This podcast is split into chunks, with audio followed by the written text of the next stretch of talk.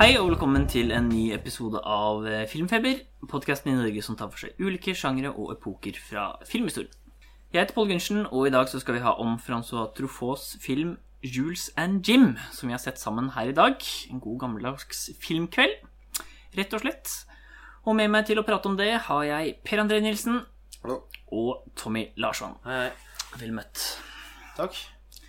Ja, siden sist, jeg må bare si kjapt, så har jeg begynt på sesong to av eh, Lego Masters Australia. Ja. Og når jeg så det japanske tempelet i episode én, så måtte jeg faktisk holde meg fast i stolen. Da tente Japan-alarmen hos deg, tenker jeg. Og det var som når vår gode venn El Brekko så The Green Night på kino, og kameraet begynte å snurre, så måtte han holde seg fast i kinosetet. Akkurat sånn var det for meg når jeg så Lego Masters. Det var så episk og stort. Det er en utrolig sånn obskur intern vits, eh, men eh, vi har jo kanskje Det er de som hører på, så, så det er kanskje greit.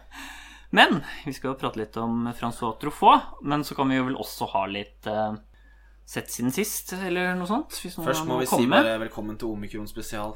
Ja. Ikke. Ikke, nå er det, nå syns jeg det er mørkt. Ikke til, vi er liksom veldig tilbake på start. Ikke bare Gutta gutta-julebordet vårt, vi tre pluss noen flere avlyst. Ja. Jobbjulebordet og alt det der òg. Men Rest in peace. Ikke minst Spiderman No Way Home kansellert. Jeg skal bare ha en liten rant her før vi kommer i gang. Eh, jeg skulle jo se den med vår felles venn Carl nå på fredag. Eh, så jeg vil bare bruke muligheten til å snakke litt dritt om SF Studio, jeg tror jeg det heter. Det er ikke Odeon, Odeon kino i seg selv, eh, for den er fjernet over hele landet i alle kinoer i Norge. Mm. Og så stussa jeg litt på det, for jeg ser jo at alle andre filmer går jo. Matrix kommer neste uke, f.eks., med mellomrom mellom setene. Så Spiderman er rett og slett tatt av fordi den ikke vil nå sitt fulle potensial hvis den kommer nå, sier distributøren Sony Pictures og SF Studio. Så da tenker jeg bare at eh, med mikrofonen så sier jeg bare for noen pengegriske, gale idioter som bare ikke bryr seg om eh, folk som vi ser på film. To land, Norge og Filippinene. Jeg bare sier det. Ikke et vondt ord om Filippinene, men ja, vi er no, det, det syns jeg. Kommentarer? Det er hårreisende. Ja, du så du var i en sånn gruppe hvor du hørte at eh, folk begynte å klage gruppa, men jeg har sett gruppa. til Strømstad og sånn. Jeg har sett gruppa. Eh, Jeg syns det er litt rart. Eh, Det er jo bare pga. penger, i hvert fall. Det er jo ikke noe tvil om. Ja.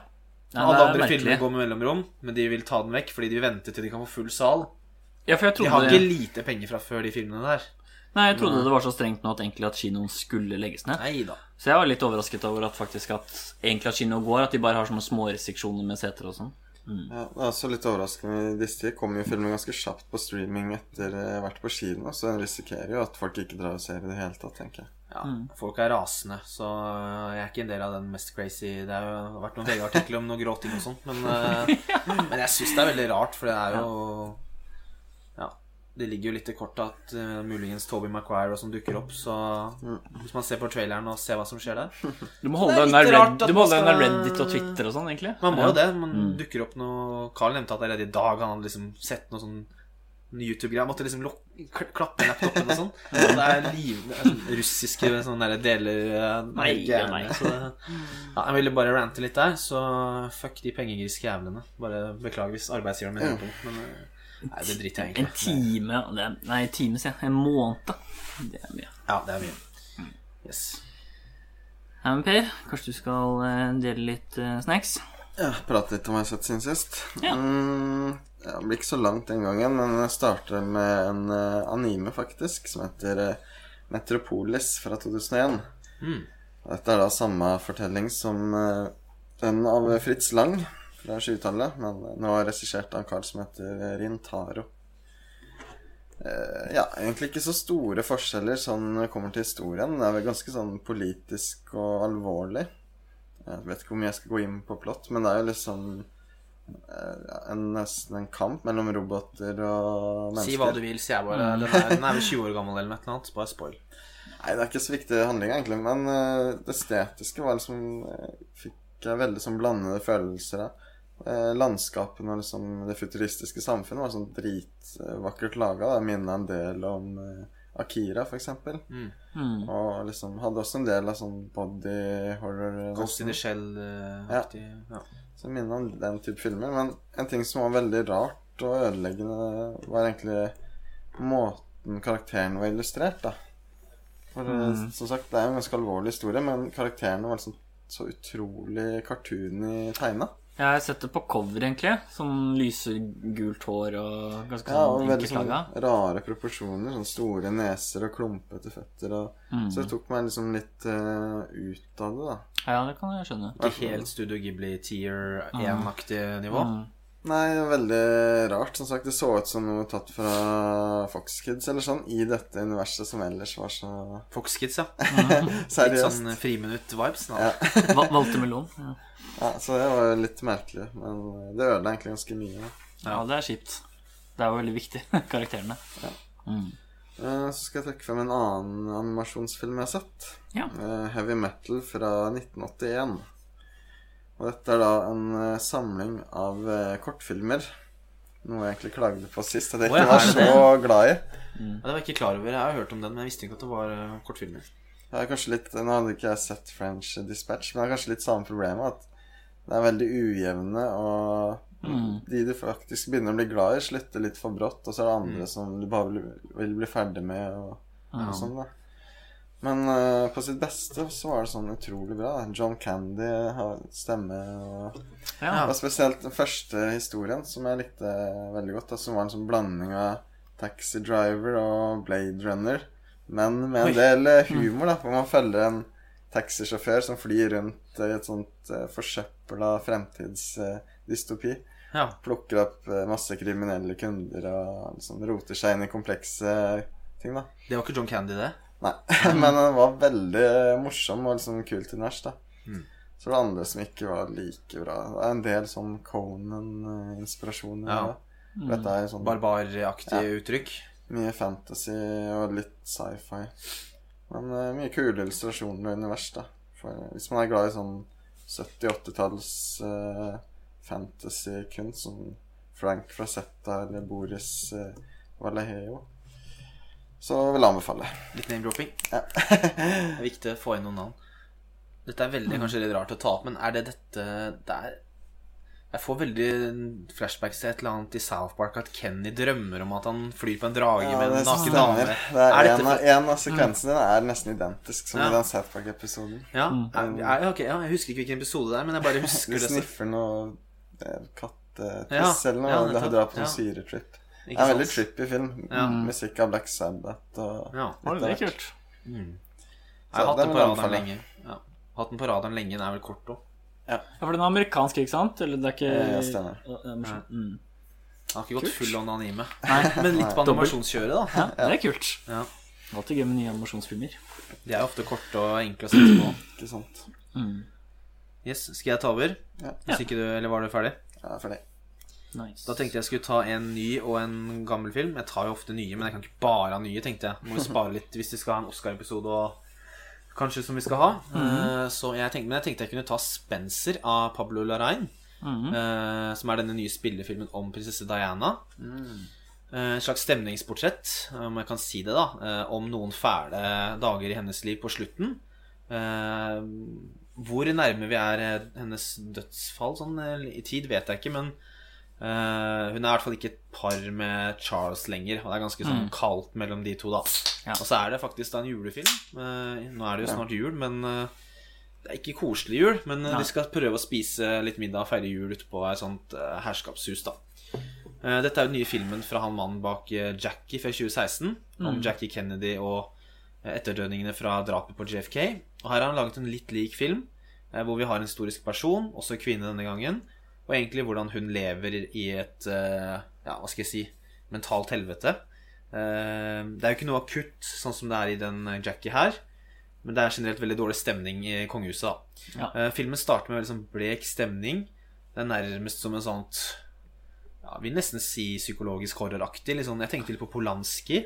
Litt sånn, Og lyset i filmen er veldig sånn dust. Selv om det er, selv om det er eh, liksom vinter og morgen, så er det veldig sånn ikke fine farger og uh, litt sånn drømmeaktig, kornete bilde uh, som gjør det litt sånn rart. Og så er det litt sånn Angelo Badalamenti, han fra Twin Peaks-aktig sånn jazzete, horrorlignende soundtrack. Uh, men det er jo Johnny Greenwood da som står for musikken. Kjent fra samarbeidet med Paul Thomas Anderson. Så det er veldig sånn ubehagelig følelse der. Eh, Jeg kan ta åpningsscenen. Det er at mat som blir båret inn av Forsvaret inn i et sånt stort eh, feriebolig ute på landsbygda der. Og så blir den båret nesten som eh, ammunisjon i sånne store, tunge kasser. Og det ser ut som åpningen på en thriller når liksom militæret kommer inn og bærer på disse store eskene. Og jeg trodde det var våpen de kom med, eller noe sånt i starten der. Men så viser det seg når de åpner at det er mat. Og så er det er litt sånn dobbeltbetydning, tenkte jeg på etterpå, for hun hadde jo veldig problemer med spiseforstyrrelser og sånn. Eh, og så er det en middagsscene litt senere hvor dette også kommer veldig tydelig fram. Hvor liksom sliter med å få i seg maten. Kongefamilien stirrer på henne veldig sånn eh, marerittaktig. Tenkte liksom litt på The Shining, med hvordan liksom de forholder seg til henne, og veggene kommer nærmere og nærmere, og det er veldig sånn ubehagelig egentlig hele veien. Uh, men alt til alt, nå høres det ut som jeg kanskje er veldig positiv. Litt ufokusert manus, kanskje. Kanskje ikke en ordentlig kritikk å si det. Um, det er jo et stemningsportrett, så det er ikke så viktig at det er en tydelig handling. Men jeg skulle ønske jeg satt igjen med litt mer enn jeg gjorde. Jeg følte det var litt ubrukt potensial, og så skulle jeg ønske den gikk enda lengre. Den dveler kanskje litt Jeg elsker jo dveling, men det ble litt sånn Jeg satt litt igjen med var det det når den var ferdig. Men uh, hvis det jeg sa noe føltes interessant ut, så kan det anbefales. Jeg bare lurer litt på uh, skuespillervalget. Jeg tenker Jeg har jo nylig sett Twilight-filmen. Jeg var ikke helt Ja. overbevist av Kristen Stewart, da. I sammenligning med Natalie Portman i Jackie. Hun får jo generelt veldig god mottakelse for den filmen her, i hvert fall fra kritikere. Den, blir jo ikke, den er ikke likt av publikum, altså vanlig publikum. Eh, hun er veldig Hun er litt rar. Uh, hun gjør sin helt egen greie. Det funker når du kommer litt inn i det, men du blir litt sånn put off i starten. Det blir du. Eh, men alle, hun lukter jo på Oscar, som alle mener det er hun eller Lady Gaga som kniver om Best Actress her. Så yes, s- jeg, elska det ikke, men jeg, jeg registrerer at det er mange som liker det. Eh, Jeg syns det var greit, for filmen er såpass rar i utgangspunktet, så det gjør ikke noe at hun er litt rar. Har du sett den til Coppola, den Marie Antoinette? Nei, den Nei. burde jeg ha sett. For den hørtes litt ut når du snakket om det der med at alle stirrer på at hun sitter og spiser og sånn. Det er veldig mye av i Marie Antoinette, at hun går rundt og er sånn hun, På en måte hun er alene mot alle, da, rundt. Mm. Hørtes litt sånn ut. Så jeg er spent på når jeg skal se den, om den de, jeg- de ligner litt. Mm. Ja. Hørtes litt sånn ut, egentlig, hvordan du Den, er, den. har jeg fått inntrykk av litt mer mm. morsom, eller litt, litt Meken, i hvert fall er jo Ja. moderne For det er ikke denne, da. Mm. Den her er jo Ja. bare Her er det bare elendighet, egentlig. Og med, med de liksom blikkene fra andre. Mm. Føler kanskje jeg skravla litt lenge, lenge, men jeg har en film til. Uh, Dead Man's Letters 1986. Eller på russisk Pisman... Nei, vet du hva Oi, jo, prøv litt, Jeg, prøv jeg, jeg, dropper, jeg dropper det. Tommy Eh, Leraruski. Jeg dropper det, jeg dropper russisk. Eh, Men det er i hvert fall en sovjetisk film fra 1986. Ja. Laget av Konstantin Lopusjainskij. Prøvde det. Eh, og det som jeg registrerer ofte av cinefile, liksom, av de som har klart å grave den frem, da blir kalt liksom den mest sørgelige postapokalyptiske filmen som fins. Det blir veldig mye negativt fra meg, noen sånne triste ting. Ja. Eh, Da kommer neste gang. men uh, for stemningen er helt unik. Den er veldig sånn Åpner i en bunker i Russland på 80-tallet. Det er skikkelig stusslig. Sånn alle må bruke gassmaske hvis de bare skal ut en tur.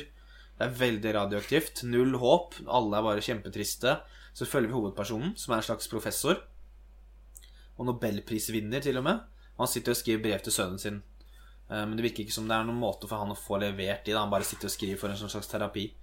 Og estetisk er filmen sånn skikkelig gusjegul, eller sånn for å si det rett ut, pissegul. da. Veldig sånn ekkelt filter. Jeg sendte dere vel noen screenshots, hvis jeg ikke husker feil. Eh, og det lyser sånn kloakk og liksom gassmasker, og lyddesign også er skikkelig sånn ekkelt. Sånn det drypper, og gassmas gassmaskepusting og sånn. Eh, og musikken slår seg inn til tider ganske vill. Eh, men så er det igjen litt problemer. Eh, så det blir to sett siden sist hvor jeg ikke er helt solgt. For når alt kommer til alt, så er den litt treig og litt kjedelig. Og så er den faktisk filmatisk litt lite imponerende. Det kan minne litt om et sånt TV-program fra Ja. 80-tallet. Eh, når vi- Særlig når vi er inne i bunkeren. Så det er veldig sånn platt scenografi. For litt sånn billig TV-seriefølelse. Det er jo veldig stygt å si, kanskje. Men jeg anbefaler likevel til sånn postapokalypse-purister som elsker liksom den estetikken. Hvis du likte f.eks. Chernobyl-serien til HBO, eller Stalker eh, for eksempel når det gjelder de temaene der, så er den jo verdt å se. Men eh, ja. Veldig kort, da. Så, De hvis, bildene minner meg litt om Dust Devil. ja, den, ja. Ikke få sett. Men jeg kjenner til uh, tittelen. Jeg har kun sett de tre stillbildene de sendte, eller sånn, så Ja. jeg har ikke så mye innsyn, egentlig. Jeg har sett en haug med andre filmer men det får vi ta en annen gang. Jeg har sett Spiderman 3. Det er veldig lol med emo-greiene. Dansescenen og jazzklubbscenen. Sånn er jeg ferdig. Ja. ja, det er morsomt. å få man nevne det. svart eh, Spiderman. Det er ganske morsomt. Ja. Mm. Sånn på kino i for emo-sveis når han blir slem. Ja. Nice. Eh, I den forrige horrorepisoden vår snakket vi om Blob, og da nevnte jo han regissøren Han het så mye som Irvin Yewart jr., ikke mest kjent regissøren. Men eh, jeg syns han hadde så gode ideer, så jeg hadde lyst til å sjekke ut eh, Dinosaurs og 4D Man. Dinosaurs den var egentlig helt jævlig, så den kan vi gå forbi stillhet. Fordi den var så dårlig teknisk, og at den er laget på 60-tallet, det er nesten et mysterium. Går ikke King Kong 33 en høygang? Nei, jeg tror det er faktisk dårligere teknikk enn det. Altså. Det er helt uh... Altså for tiden, da, så er det ganske ille. Men uh, 4D Man syns jeg var bedre. Den Det er litt som en del andre sånn lignende filmer fra den tiden, som f.eks. den 1958 The Fly med Winston Price. At det liksom handler om en flink, men overivrig vitenskapsmann da, som jobber iherdig med noe forskning. Eh, og det han prøver på, er å da få objekter til å bli 4D. Det er liksom det som er liksom planen hans. da At det skal bli helt sånn eh, De tingene rundt der. Og med å jobbe med dette, så ødelegger han en hel bygning. Fordi det liksom tar fyr, for han blir liksom litt fivrig og får sparken. Og blir da ansatt til å jobbe hos broren sin, da, som også er en vitenskapsmann. Eh, og det er da denne broren, så er det litt sånn skift i historien, som ved et uhell ender opp med å få disse 4D-kreftene, da. Og i likhet med The Blob Det er, ja, I likhet med The Blob så er det litt litt action. Det tar, det tar litt lang tid før de liksom 4D-kreftene blir levert. Men det er jo der også filmen er best. da Han kan liksom gå gjennom vegger, han stikker hånden sin inn gjennom butikkvinduer og stjeler ting og sånne ting. Morsomt. Og disse kreftene har også en alvorlig bivirkning som jeg ikke har lyst til å røpe, men det skaper en veldig sånn spenning i historien, fordi når han gjør det, så skjer det noe veldig sånn kjipt mot han da. Okay. Jeg skal på en måte ikke røpe hva det er. Og litt morsomt at du nevnte Angelo eh, Badalamenti, fordi soundtracket her minte meg veldig om det han har gjort for Lynchen i filmer.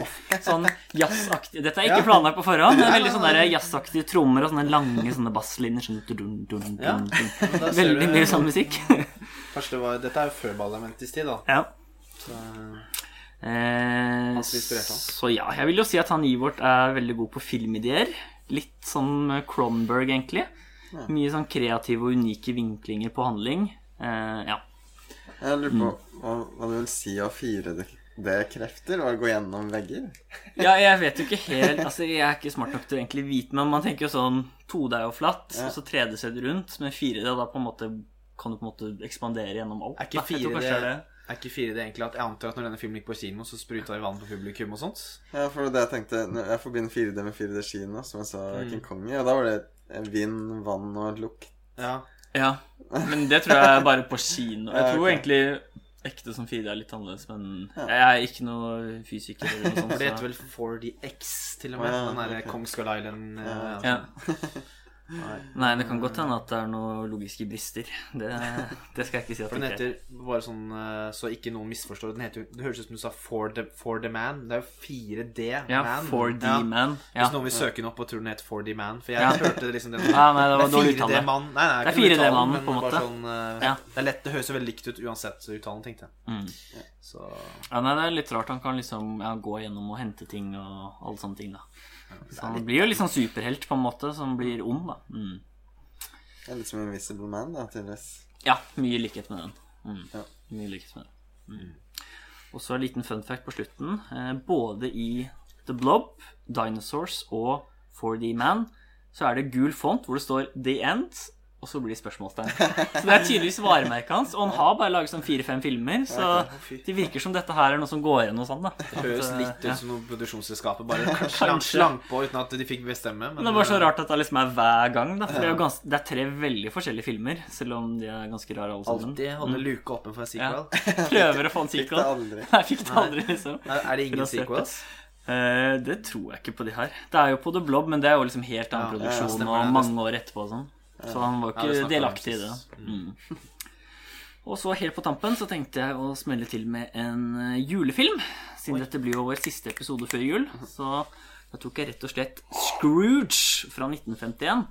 Scrooge. Som jeg har sett av flere. Scrooge! Minst fem ord. Eh, og det regnes jo eh, som en av de filmadaptasjonene av Charles Dickens' A Christmas Carol, som på en måte er mest tro mot originalen, da, som boken. Og jeg har jo sett uh, Muppets A Christmas Carol og var jo veldig glad i den, så jeg var jeg så- spent på om denne kunne avgås. Jeg ble så ivrig at jeg avbryter deg. Ja, ja, men den, så, den så jeg i fjor. Den syns jeg var overraskende bra. Ja, ja. Altså sånn Alt fra hvordan dokkene beveger seg, til bare produksjonsdesign og ja, ja. Jeg liker alle de der. en av de beste versjonene av Christmas Carol, faktisk. Ja, ikke sant? Muppets-versjonen. Ikke sant? Og Muppets in Space, og som vi snakket om tidligere. Det er mye bra. Jeg har ikke sett det nå. Det er bare mimer, men jeg har ikke turt å se den. Og så er det jo da en som heter Alastair Sim. Ganske bra navn. Som spiller denne surpumpen Ebenezer Scrooge. Også bra navn her. Og eh, det tar ikke lang tid å etablere at denne karen er fryktelig sur, da. Og det er liksom mye av det han gjør mot liksom de fattige han møter på, men også mimikken i ansiktet hans. Ser ut som han har sverget en sitron på tvers. Han er liksom ordentlig sur og grinete, da, så det er veldig bra sånn etablert i starten.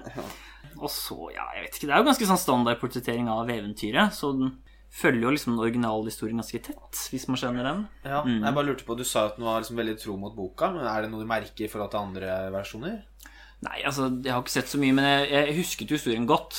Og jeg liksom, når jeg så den, så følte jeg liksom at Det var ikke sånn at han plutselig begynte å gjøre andre ting. Og Nei. det føltes som han var ganske sånn tro mot boken, da. Det er fall det jeg hørte også. Ganske sånn plain, direkte liksom sånn eh, Handlingsmessig, i hvert fall. Adaptasjon. Ja.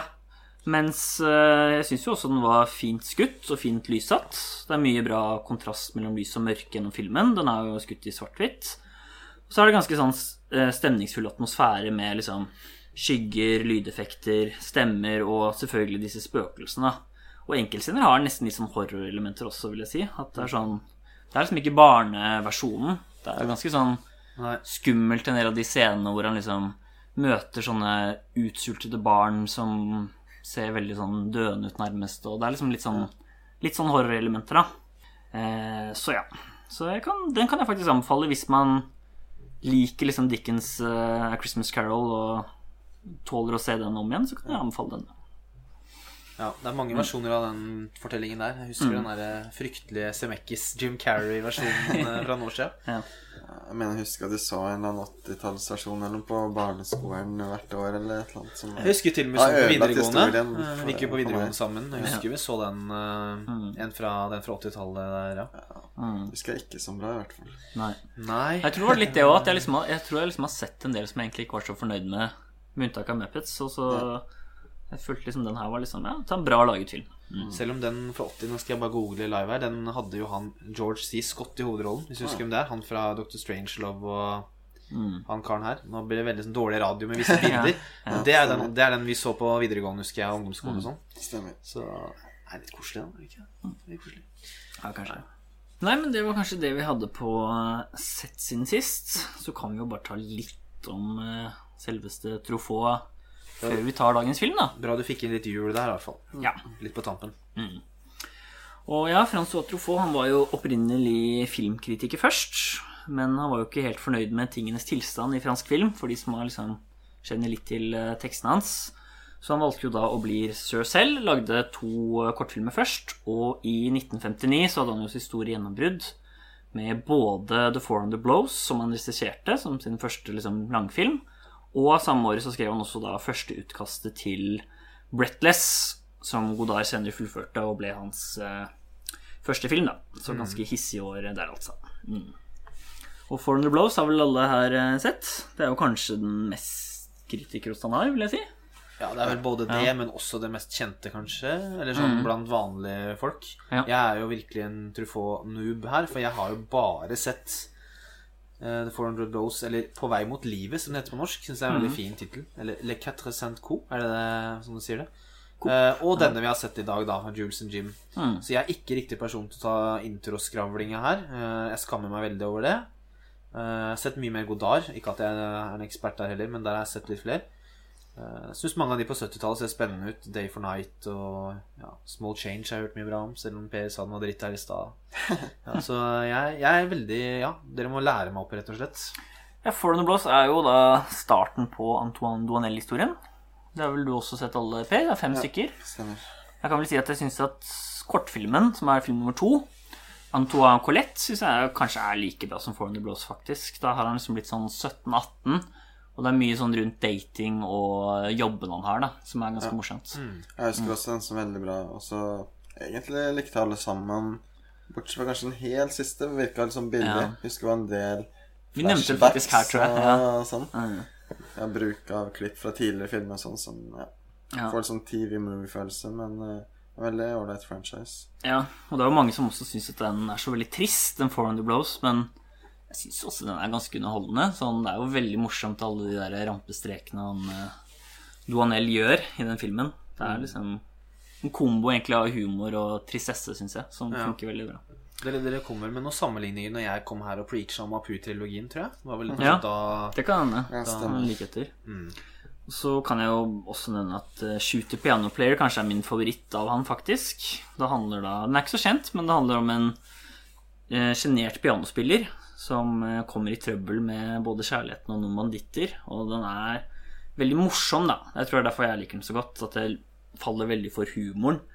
Det er blant annet en scene hvor han Han er liksom veldig sjenert, og så skal han gå hjem med en dame. Og så snakker han i sitt eget hode hele tiden sånn at han må si noe morsomt, men ikke for morsomt, for han må ikke prøve for hardt. Og så bare har han såpass lang samtale at det ender med at hun bare til slutt går, og sånt. Så det er liksom sånne situasjoner der som blir ganske morsomme, da. Med ganske sånn En av hans mest lekne filmer. Ja. Mm. Jeg vil kanskje trekke frem min favoritt uten, utenom de to klassikerne vi akkurat har nevnt. Det er uh, Fahrenheit 451, da, som er jo også en ganske kjent bok. Mm. I likhet med Julie Jim, som også er basert på novelle. Jeg har en del likheter, de to filmene, faktisk. Eh, Begge har bokbrenning, og begge har uh, samme hovedperson, nesten. Eller ja, mer eller mindre. Ja. Han Oscar eh, Wern, eller Bernes, eller ja. Ja, Werner. Mm. Ikke sånn spissen på Chelsea-navnet. Ja. Hva jeg tror jeg. Tenk, tenk at jeg sier spissen på Chelsea før jeg sier, tenker på Herzog. Da har det skjedd noe gærent. Så nå sporer jeg helt av. Og helt til slutt med oss, den, den Day for Night, da. Er også ganske morsom om egentlig en handler jo egentlig om det om å lage film. Ja. Og det er en veldig legendarisk scene med en katt som de skal få til å drikke melk og spise mat på et filmsett. Og så nekter de å gjøre det, og de bare er så mye sånn meta-acting og bare Du må få til den katten, og katten har ikke drukket melk på tre dager, og det er veldig, veldig morsom scene. Ja, jeg Truffaut spiller vel seg selv, mer eller mindre. Ja, han spiller filmen. en regissør. Mm. Ja. Han spiller også i The Green Room etter hvert, så han prøvde seg mer og mer på skuespill. Ja. Fra- Ja, Close eh, Encounter med ja. Spielberg også. Skulle til å si det. Mm. At det er jo kjent for den også. Spielberg-filmen. Det var siste han gjorde før han døde, tror jeg. Ja. Ja. Han døde jo veldig ung. Så det Ja, da har vi kanskje en liten eh, intro til Truffaut. Og da kan vi starte på dagens film, som er Jules and Jim. Ja,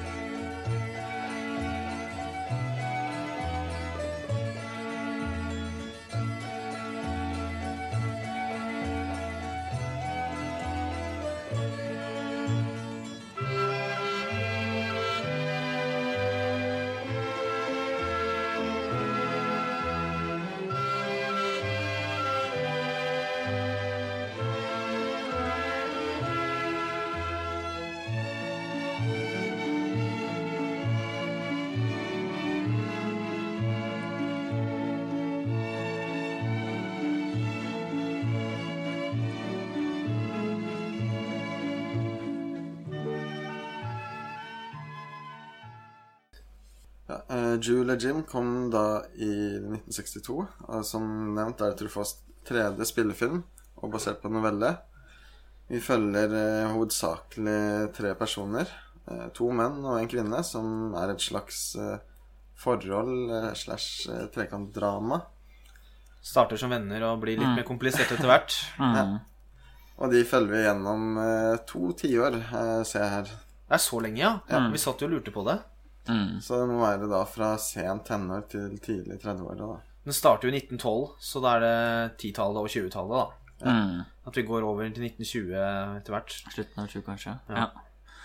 ja, vi kan jo bare starte med at starten går virkelig unna. Det var noe vi kommenterte nå, for vi så jo den sammen, alle sammen. Det kan vi i hvert fall si at det er Ja. en fransk nybølgefilm, kanskje. Ja. Bare for å få det på plass. Ja. Uh, og at den har, ikke for å avbryte resonnementet ditt, men bare sånn hvis det er noen som lurer, da. Og at eh, den har alle de virkemidlene som den type film har, så det kan vi jo gå litt inn på. Og det kommer jo tydelig fram i starten, som du sier. Mm.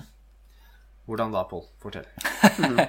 Nei, det er jo egentlig en montasje, på en måte. At det går ekstremt fort, og det også prates kontinuerlig. Og liksom ofte noe de prater om mens de prater, så klipper de allerede videre til eh, neste scene. Og på ingen måte dveler. Så selv om dette her er vel tredje gangen jeg ser den, så slet jeg fortsatt med å få med meg alt som skjedde, og de fortalte veldig fort F.eks. Jules, Jules ville gjøre det, mens Jim hadde møtt det, og da var det liksom vanskelig å få med seg alltid hvem av de som f.eks. dumpa hun dama eller fikk den jobben, da. Ja. Så ja, selv om jeg hadde sett den før, så sleit jeg faktisk litt med tempoet i starten, for det går voldsomt fort. Åpningen er veldig sånn eksplosiv, sånn der eh, leken og liksom bare fra første stund med de der eh, de titlene på skuespillerne og filmen, så er det sånn leken musikk, og det går utrolig fort. Jeg føler at Truffaut har en veldig sånn trang eller sånn glede til å fortelle. Eller sånn, Han, er, han kan, ikke, kan, kan ikke vente med å komme i gang, fikk jeg følelsen av. Mm. Og det er jo litt interessant å gå inn på det du sier med mange ganger man har sett den, da, fordi jeg tenkte litt sånn Hvor kult kommer jeg til å synes dette er nå? For jeg hadde liksom Jeg hadde sett den i 2013, fant jeg ut.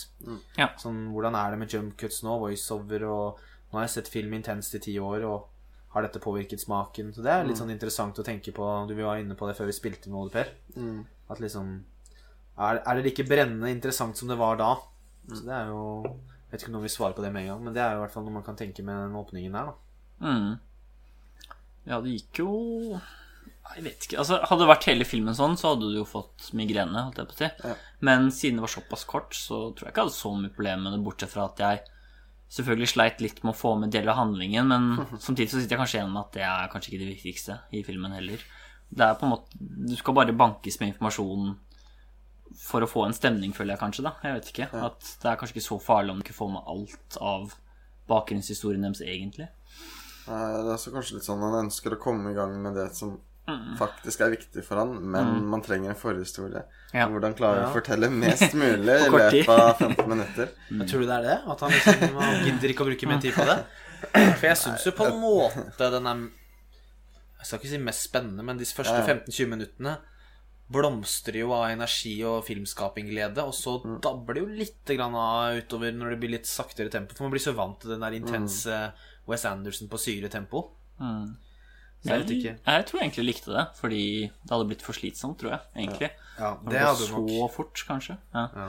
Men, men ja, det er jo nesten tre trinn nå, da, fordi i starten er det jo helt sånn De første ti minuttene er helt sånn absurd fort. Ja. Og så er det ganske fort, og så er det rolig. Så det er jo egentlig tre trinn, egentlig, i strukturen på filmen, da. Det er jo skilt veldig vi, vi kan vel si kanskje at det blir spoilere. Dette er jo en 60 år gammel film, men de som Ja, det blir vel full spoiler. Ja. Det er jo veldig preget av eh, det skillet mellom eh, Vi sier at det går fort, og så litt, litt saktere, og så veldig sakte, men det er jo veldig prega av første verdenskrig, for den foregår jo starter jo i 1912. Mm. Jules og Dim er jo De driver med liksom litt De skriver litt, de er litt, eh, jobber med litt teater, de er liksom bohemaktige. De driver med fekting og ser på, drar litt rundt og ser på noen statuer og Og så kommer plutselig første verdenskrig, bryter inn, og så blir det litt roligere etterpå. Så det er jo veldig litt interessant. Det er jo åpenbart meninga. At liksom Ikke bare i filmskaping, men også forholdet deres blir treigere Ja. og litt mer sånn avslepent. da Og så har du jo Catherine inni der, som er på en måte en hva skal man kalle det, en brennhet eh, sånn der diamant som bare dirrer mellom de to frem og tilbake og ikke klarer å finne sin plass. Ja, det må jo egentlig være hovedessensen med filmen, da. Liksom hvordan hun på en måte hopper mellom de, og det viser seg etter hvert og enda flere. Og hvordan det påvirker både deres forhold til henne, men også deres forhold til hverandre, da. For det er jo en veldig sånn rar og unaturlig dynamikk egentlig hele tiden. Ja. At uh, på tross av at det egentlig er ganske sånn trekantdrama og fram og tilbake, så er det nesten, som vi sa, vel kun etter um, etter etterdønningene av første verdenskrig. At du ser at de på en måte murrer litt sammen. da At liksom stemningen ikke er helt på topp. Og det var han kanskje nesten mer med krigen, fordi han eh, Jules er jo østerriker. Så han var jo på den andre siden av krigen. Ja. Mm. Jeg vet liksom ikke om det er hun som kommer imellom eller krigen, egentlig. der. Mm. Nei. For eh, selv etter krigen, og ting har blitt litt kjipt mellom dem, så trygler jo Jule, vel, Jim, om å ta over. Ja, Forholdene. stemmer. Veldig Ja. Jim, Jim, det er vel Jim som ber om sånn det. Siden det er jo, Ju- det er jo Jules hun først eh, gift, gifter seg med, eller i hvert fall blir sammen med og flytter ut på Vi så filmen i stad, så det er litt sånn der krise hvis vi ikke kan detaljene. Men det går ganske Ja, fort. det var jo. Jules først. Ja, jeg tenkte på om det var gifte eller bare ble sammen, eller hvordan Ja. det var. Men de får i hvert fall barn. og barn barna pakka. Mm. Og han vil jo da at eh, heller at Jim skal bli sammen med henne, enn at hun skal forsvinne ut av livet hans for alltid. på en måte. Ja. For de har jo litt sånn vennskapelig og Det prøver han kanskje å vise litt i starten, da, hvor de har mye sånne leker, blant annet det ikoniske shotet hvor de løper gjennom denne togpassasjen. Sånn, altså det, Hva skal man si Broen som går over toget. Ja. Eh, og de har liksom en sånn Ja, ganske sånn vennskapelig tone først, før liksom det blir dating og sånn. Jeg syns kanskje det er det mest interessante, er på en måte den bohemske livsstilen i starten. Det er litt sånn Hemingway-aktig, det der med at de Det er veldig mange damer inn og ut, og de går og drikker på byen, og det er alt det greiene der. sånn, det er jo litt sånn som i den perioden hvor de en prøver å gjenskape Midnight in Paris, da.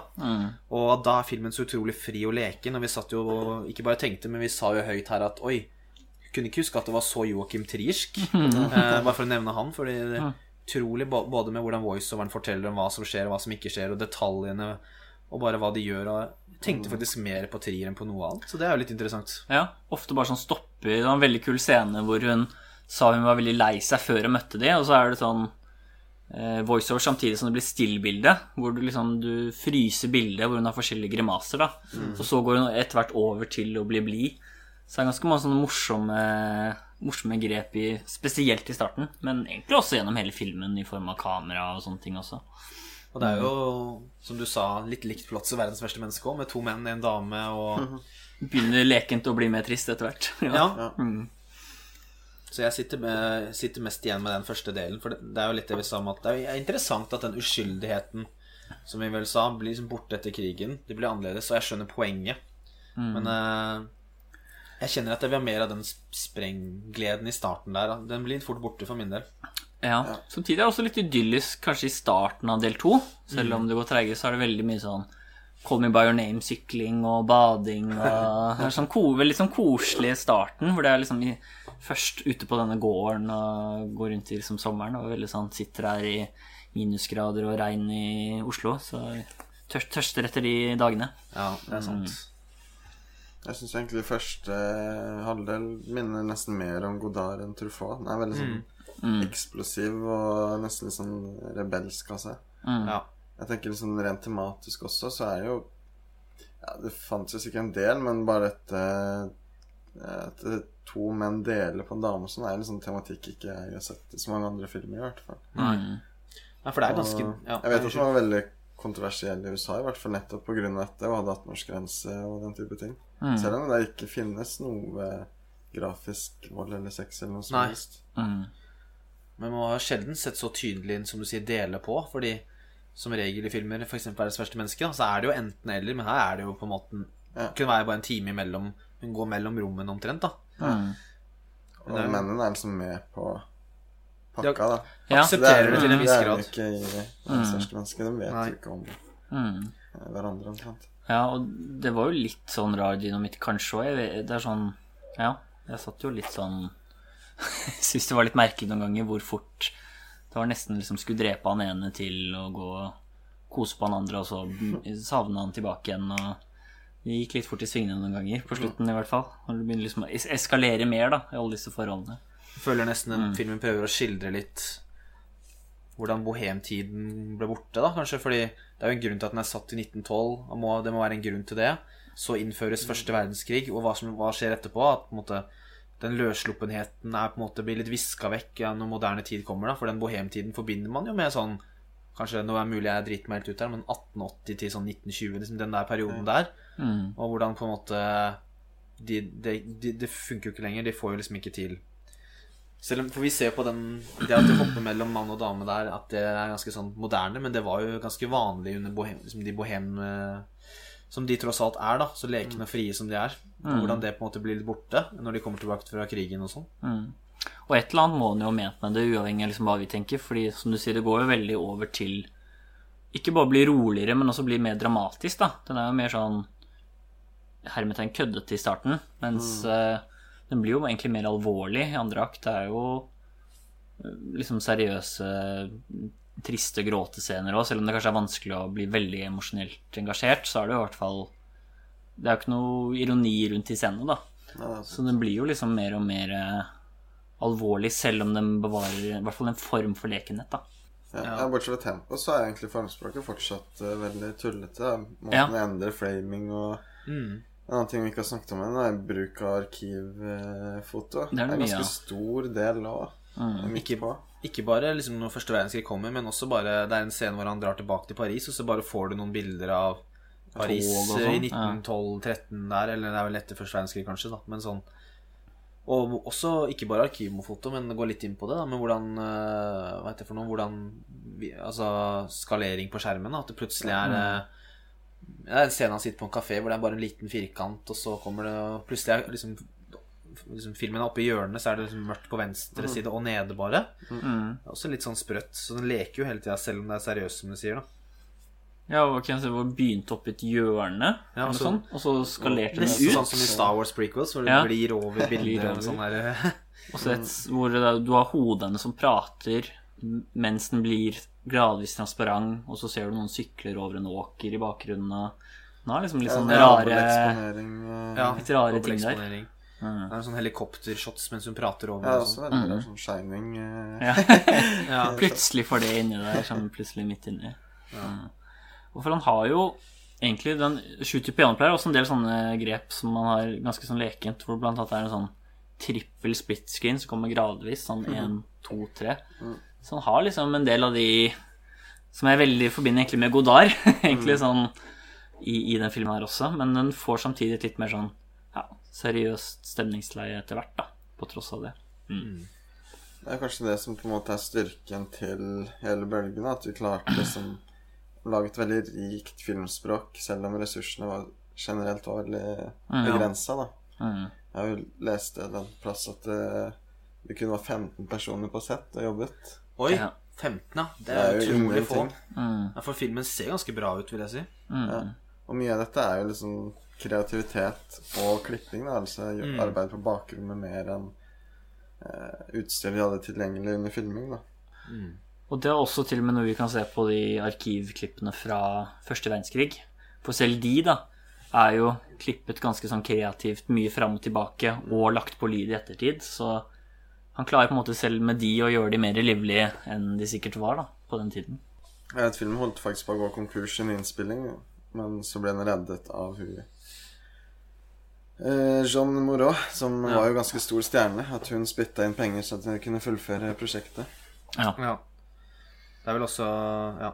Apropos, jeg bare kom på det nå, ikke for å spore av. Nå var vi i en fin flyt, men det er jo også en scene hvor hun eh, bare Litt tidlig i filmen så går det jo Etter å ha sett på teaterstykket, så hopper hun ut i havet. Eller i havet, sier jeg. Elva, er det vel. Ja. ja. Og du, hadde en, du sa du hadde en fun fact, så jeg tenkte vi Har lyst til å ta den? eh? Å ja. Eh, ja, som sagt, som de sier, den hopper jo uti vannet kanskje et par-tre meter. Ja. Veldig sånn spontan ting hun Ja. Og eh, i hvert fall den fun facten jeg sitter på, er vel at hun måtte gjøre det selv fordi stuntdoblen var for full på settet. ja. Og som, Kom full på jobben. Ja. og som et resultat av at hun gjorde det stuntet, så ble hun også syk i to uker. ja. Fy faen. Det er ganske Det er chill å vite for den stuntdoblen, da. Får sikkert litt pes. Sånn, ja. Ja. Da har du, du jobber for Truffaut, så dukker du opp med en Mintu innabords. Da har du rota det til, ass. Må Skjerpe deg litt. Det har skjedd litt fra 60-tallet til nå på sånne ting, føler jeg. Ja. Du kan ikke bare dukke opp på et kontor og slenge CV-en på bordet og si 'jeg vil ha RB', liksom. Det, det er ikke der. Nei, hva skal man si? Uh, føler vi har vært innom så mye på så kort tid, men eh, vi fikk liksom dekka mye her. Ja, men det er på en måte et sånn Jeg synes det er litt interessant at Bare for å si det, da, at eh, Nei, vent, aller først, nå kommer jeg på en annen ting. Uh, vi snakka om at The Jules lignet på noen. Eh, Så sa jeg at jeg syns han ligner veldig på noen. Uh, de som syns podkasten Hvis noen syns Vi bare er alvorlig, så får jeg bare beklage at det blir sånn her. Men vi syns det er litt morsomt å tulle litt òg. Vi ville vente til vi spilte inn for å liksom si hvem vi mente det ligna på. Jeg ble veldig spent på hva dere tenkte. Jeg syns jo flere, egentlig. Så jeg har nesten lyst til å høre dere først, for å si om jeg har noen Ja. av dere, egentlig. ja, For jeg skal jo bare ja, Vi kan ikke drive og kø- kødde her nå. Jeg må nesten bare si det, kanskje. Okay. Uh... Jeg er aldri enig med Tommy, men denne gangen Å, jeg er spent. Nå er jeg spent, for jeg har tenkt på flere. Så er ja, jeg tenkte på Owen Wilson. Ja, Ok, selvfølgelig. greit. Så var det, Ja. ja, var det Ja, du tenkte mest også? Men jeg tenkte også andre. Men jeg tenkte han er den liksom han ligner mest på. Så alle tenkte Ja. på Owen Wilson? Ja. Han ligner på han. Ja. Han gjør det. Men det er et lite, bitte lite Peter Laurie-hint inni der. Peter Laurie, gluggene. det. Han har litt sånn fiskeøyne. Ja, ta de fiskeøynene til Peter Laurie, klister dem på Owen Wilson, så har du han Oscar Werner. Hvis du ser bort ifra øynene, syns han ligner litt på Draco Malfrang fra Harry Potter.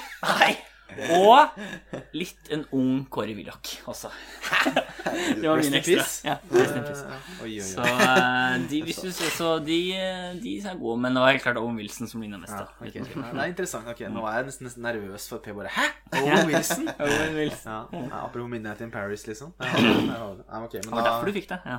men det jeg egentlig skulle si før jeg spola helt ut, var det at jeg på en måte, Du snakka om at du kanskje ikke får så emosjonell tilknytning til det. Du tror du var inne på det. At vi, Ja. vi snakker om det filmatiske her, og så snakker vi på en måte om konteksten, og at det på en måte er bra spilt og alt det der. Men jeg sitter ikke så Jeg er ikke så tilknytta til karakterene. Det er nesten mer et sånt case-studie av et trekantdrama, mer enn at jeg er veldig, veldig påvirka av karakterene. Man har ikke snakka så mye om dem. og vi skal, jeg vet ikke, hva, hva skal man liksom egentlig synes om hun Catherine? Skal man tenke at hun er gæren? Skal man tenke at hun er tragisk? Skal man tenke at hun er bare fanga uansett hvor hun er? Eller Jeg skjønner ikke helt hva vi skal tenke der. da Ja. Hun er jo veldig frigjort og gjør mildt sagt som hun vil, og det er jo ganske vanlig. Kanskje ikke så ekstremt som her, men det er jo ganske vanlig i de fransk nybølgefilmene. Flere av liksom de kvinnelige karakterene. Så jeg vet ikke om det er noe sånn Hun feminisme eller noe Jeg vet ikke, fordi samtidig så må jeg jo innrømme at jeg syns jo en del av de blir litt sånn ustabil overfor de, da. Liksom hvordan Hun bryter jo ned dynamikken en del, vil jeg si, da. Det er jo liksom ikke bare positivt. hun ender jo opp med å ta livet av seg sjøl og uh, Jules Nei, Jim. Nå Jim, ja. klarte jeg Mm. det skal komme på 50-50. Eh, så jeg vet ikke helt om på en måte for å få vi liksom si se på feminismen heller. Nei, det er jo også en scene i filmen som gjør veldig narr av kvinner òg. Hvor det er en mann som klasker en dame Eller ikke klasker sånn klokk, klokk, sånn eh, knyttneve i panna på en dame og sier hun er et objekt. Det er ingenting inni der. Ja. på Jim Men det er jo forskjellig, da. Det er jo forskjellige kvinner, på en måte. Men, Jo, jo. Ja. Hvor på Jim svarer liksom ja, hun er et seksuelt objekt, og så bare går scenen videre uten at det blir gjort noe mer poeng ut av det. ja, den er veldig Så jeg er litt usikker på, på en måte hva Truffaut har ment med liksom For Catherine blir jo åpenbart portrettert som ganske ustabil, da. Mm. Ja. Så jeg Hun er jo frigjort også, så jeg vet ikke. Det er vanskelig å si. Det er... Frigjort såpass mye at hun tar livet av folk, da. Nei, men ikke sånn ikke om hun er jo bra eller go godt menneske, men da tenker jeg mer sånn hvordan hun er i filmen generelt. Hvordan liksom dynamikken er. Eh, så det er jo liksom Ja. Det er vanskelig å vite, egentlig. Nei, frigjort, men jeg vet ikke om hun er selvstendig, egentlig. For hun har alltid. Mm. eh, klistra til en eller annen eh, Hengende etter en eller annen mann, da. Det er Ja. sant. Hun er ikke så selvstendig. Selvstendig. Nei, nei, det er vanskelig. Jeg har ikke noe god analyse på det. Men ja, nei, det, er, det mangler kanskje litt for meg til å bli sånn helt opp i det aller beste Truffaut, selv om jeg liker den godt. Det er sånn For den For the Blows føler jeg klarer å få liksom både underholdning og liksom Den klarer å få litt det triste fram. Mens Shooter Piano Play- Player føler jeg er såpass morsom at det blir som en komedie. Det blir liksom litt som å se en Woody Allen-film, da, på en måte. Ja. at den er liksom såpass morsom at der gjør det kanskje ikke så mye at jeg ikke relaterer så mye til karakterene. Så den her faller kanskje litt mellom to stoler, men uh, jeg liker den godt. da Den bare mangler litt for å bli sånn helt i trofotoppen. Men det er kanskje en film som er uh, mer interessant enn god, tenker jeg da. Mm. At det er veldig mye prøving og ting som føles helt nytt på den tiden, sikkert. Men så vet, vet jeg ikke om absolutt alt funker, da. Og det kan hende at all den uh, klippingen og sånn egentlig eh, ja, distanserer oss fra Litt, kanskje. Ja. Det er mulig at du blir litt fremmedgjort av det.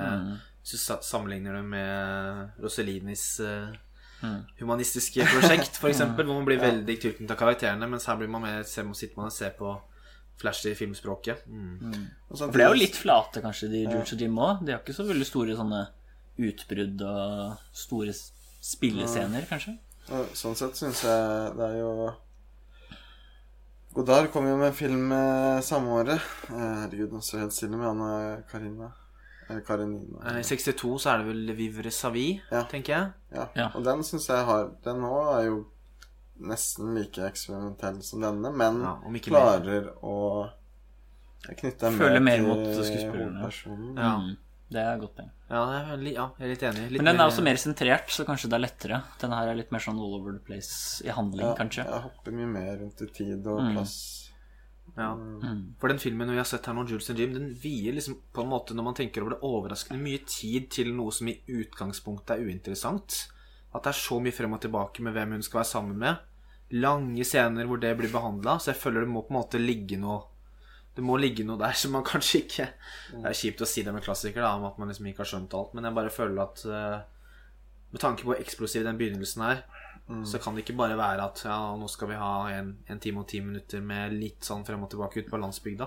Det er på en måte Ja, jeg vet ikke hva du tenker om det. Men, uh... Ja, nei Det er vel Jeg vet kanskje å si mye om igjen, men det er vel kanskje bare liksom det forholdet mellom de tre, da, som på en måte bare er fokus i filmen. At uh, både hvordan deres vennskap blir satt på prøve med at en dame kommer inn, men også hvor vanskelig kjærligheten er, og hennes spill oppi der. Og der er jeg jo litt usikker på liksom om hun skal være en negativ asett eller en positiv, på en måte. må uansett huske at den filmen kom liksom ganske Ikke kjempetidlig i nybølgen, da, men relativt tidlig. Og Ja. den har jo masse sånn eh, Alt dette vi har snakka om med freeze frames og, masse uh, voiceover.